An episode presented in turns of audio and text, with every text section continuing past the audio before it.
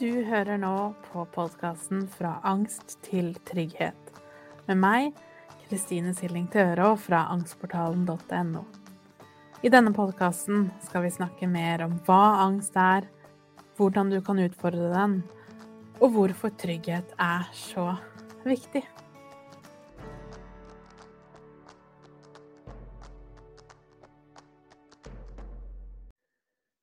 Hei og velkommen til episode 38, hvor vi skal snakke om forholdet mellom angst, matlyst og følelser. Så vi skal både snakke om hvordan angsten påvirker det å klare eller ønske å spise, men også hvordan vi bruker mat som en, en regulator, eller for å eh, regulere følelsesnivået vårt.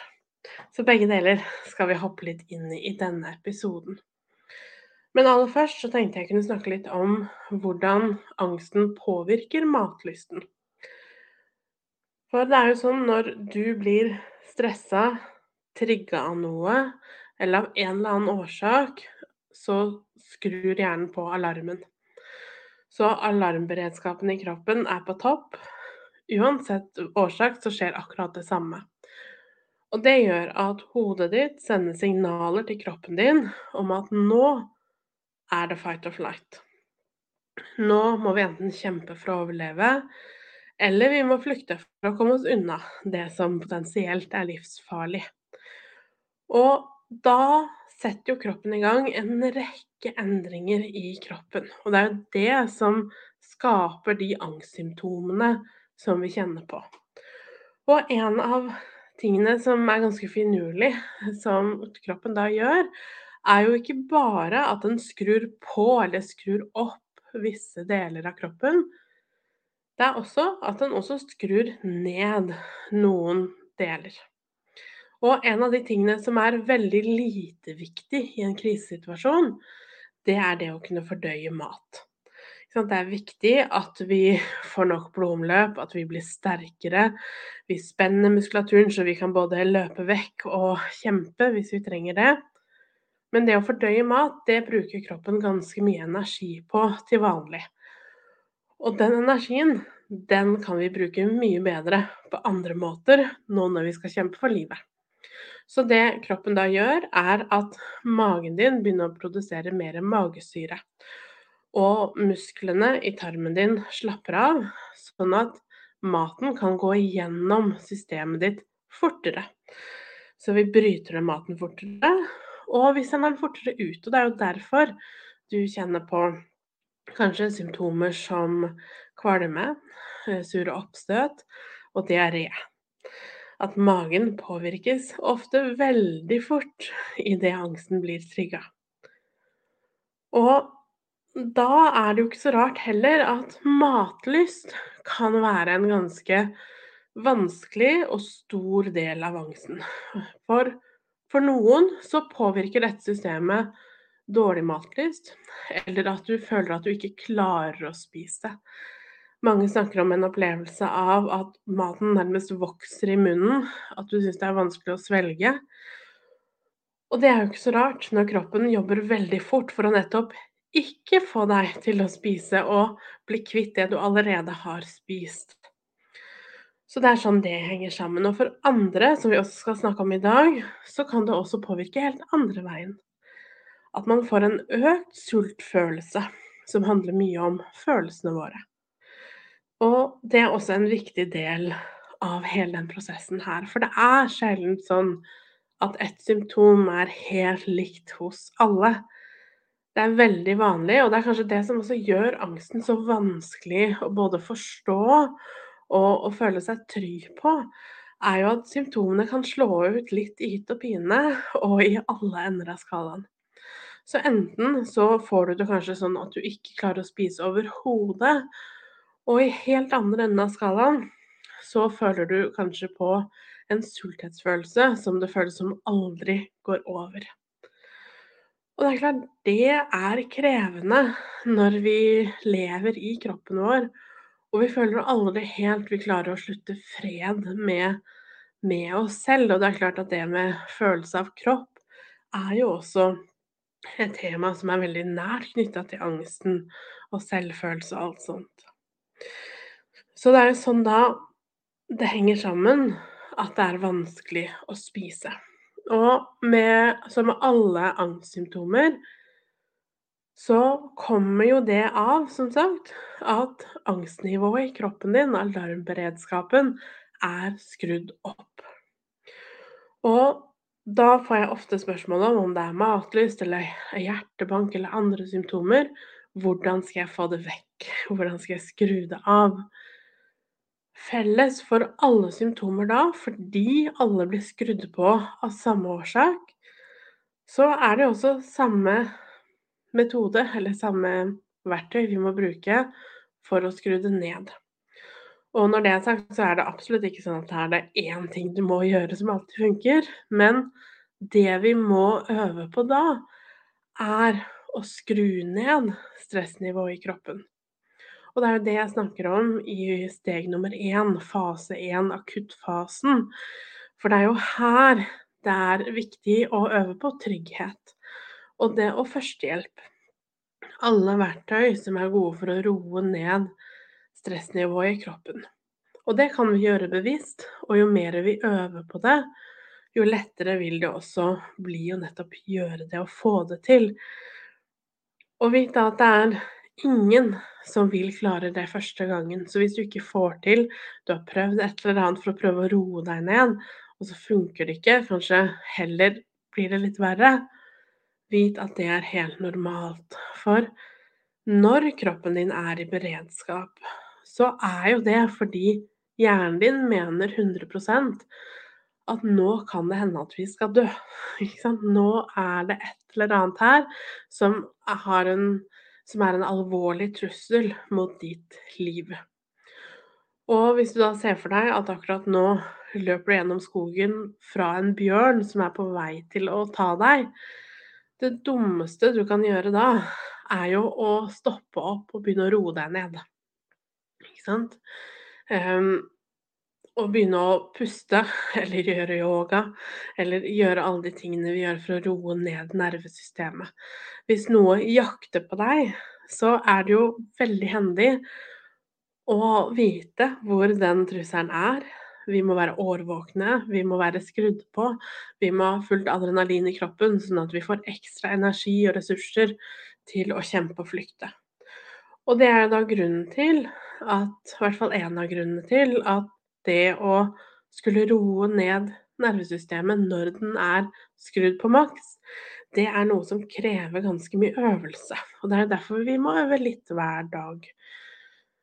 For eksempel hvis du er i Angstportalen, så vet du om 30-dagersprogrammet hvor vi tar fem minutter hver dag.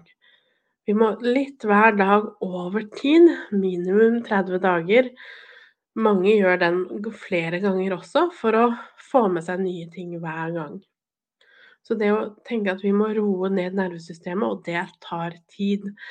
Det er ikke du som ikke får til, eller at det er du som har en eller annen angst som ikke kan gjøres noe med. Det er heller at det kreves tålmodighet og trygghet. Fordi at vi må overbevise ditt nervesystem om at den bjørnen eller den faren som løper etter deg, ikke er farlig. Den eksisterer ikke. Og da er det jo klart at det skal ganske mye overbevisning til før hjernen vår er med på at å ja, dette var en falsk trussel. Så sånn henger altså angsten, nervesystemet og matlysten sammen. Og det jeg opplever da med de jeg snakket med som er på det nivået at du ikke klarer å spise, enten det er hele dagen eller deler av dagen, for det er jo også veldig typisk at noen vil kjenne det mest kanskje på formiddagen eller morgenen det er vanskelig å spise frokost eller lunsj, ehm, og så går det seg litt til utover dagen. For andre kan det være helt motsatt, at det går bedre tidligere på dagen, og jo nærmere du kommer kvelden, jo vanskeligere blir det å spise. Og for andre så er det noe som pågår hele dagen, så her er det heller ingen fasit. Så det å ikke fokusere så mye på symptomet i seg selv, som er vanskelig når det kommer til spesielt kanskje matlyst, fordi det er klart vi må jo spise, vi må få i oss noe. Ehm, men heller ha fokus på vi må få i oss det vi kan, og det som kan hjelpe kroppen din mest mulig. Men resten handler det jo veldig mye om å roe ned kroppen. Og mange opplever da, jo mer de jobber med å førstehjelp, f.eks. igjen i Gjengangsportalen anbefaler jeg veldig den som heter Inn i uroen. Eh, selv om den ikke handler nødvendigvis direkte om matlyst, så er det jo den uroen som ligger bak som er mye av skylda. Så det å ta den f.eks. hver morgen hvis det er morgenen som er verst, eller på kvelden hvis det er kvelden som er verst, for å øve på å roe litt ned. Og det kan også hjelpe å gjøre det rett før du skal spise. Ja, at det kan hjelpe litt. Og pass på å ta godt vare på deg selv, for det er vanskelig. Selvfølgelig alt i angst er vanskelig, men det å ha et vanskelig forhold til mat, det er ekstremt vanskelig. Fordi det påvirker oss på så veldig mange måter, både fysisk og emosjonelt og psykisk.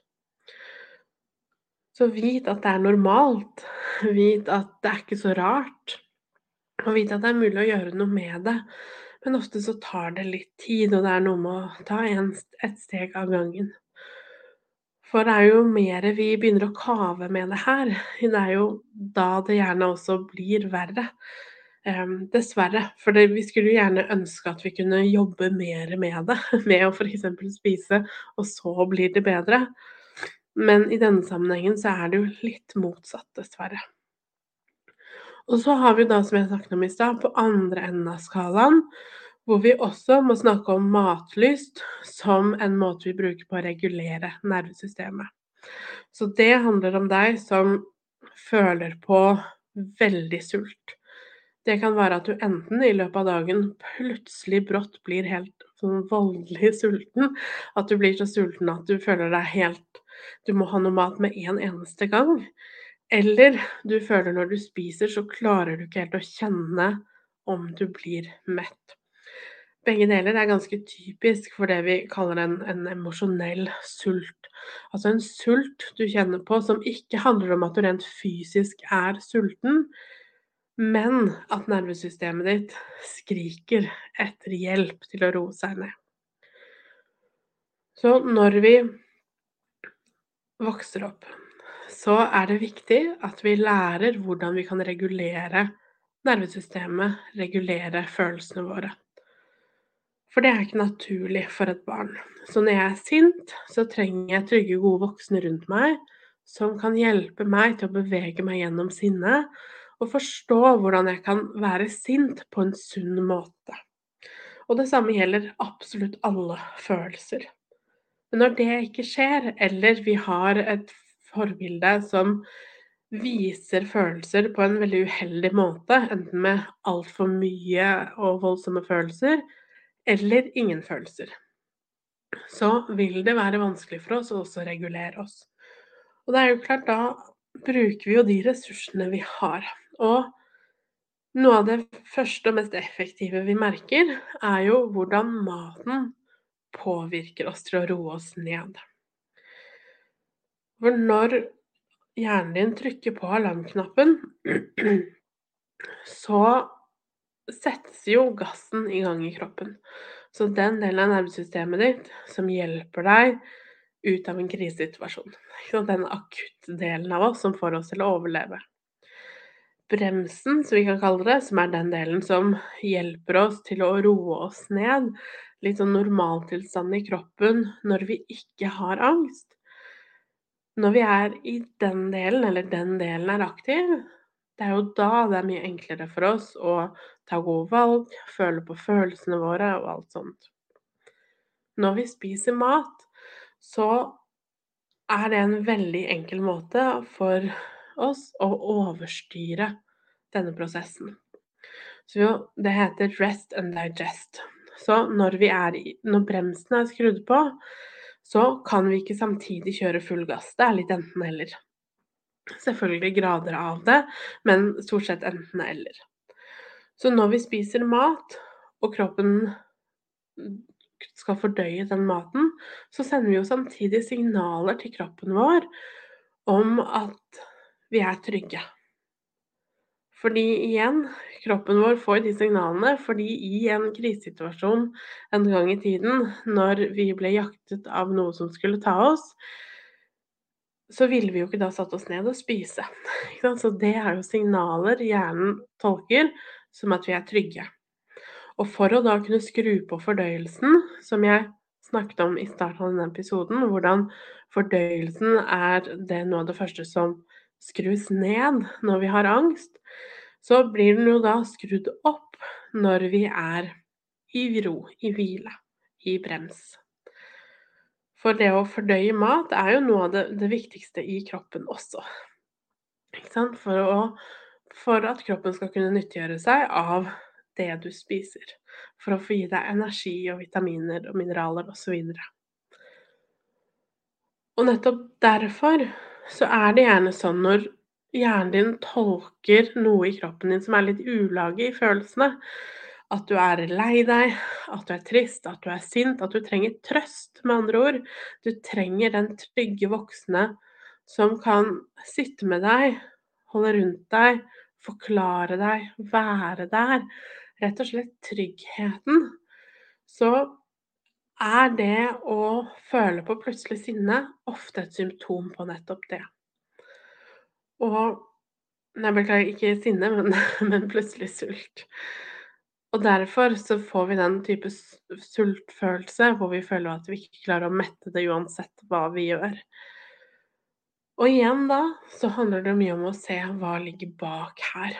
Hva ligger bak de symptomene du kjenner på, og da bak sulten. Så det å øve på å føle på følelsene bak vil også da kunne hjelpe til med å, eh, med å jobbe litt med den sultfølelsen, vite hva det representerer hos nettopp deg. Så husk at uansett i hvilken ende av skalaen du befinner deg, om det er vanskelig eller umulig å få i deg noe særlig mat, eller i andre enden av skalaen, hvor maten eh, er veldig vanskelig for deg fordi du er så sulten hele tiden og føler at ingenting helt monner, så vit at det også ligger noe bak det. Og begge deler kan vi jobbe med og bearbeide og få hjelp til, og det er jo det viktigste av alt her. Det å få hjelp et sted hvor man hvor det er forståelse for at dette her er vanskelig. Dette er ikke noe vi bare kan slutte med. Vi kan ikke bare ta oss sammen og spise hvis vi ikke klarer det. Og vi kan heller ikke slutte å spise hvis, hvis vi trenger mat hele tiden. Dette her er kjempesensitivt. Dette her er kjempekrevende for alle. Og det krever da at vi blir møtt på en god og omsorgsfull måte.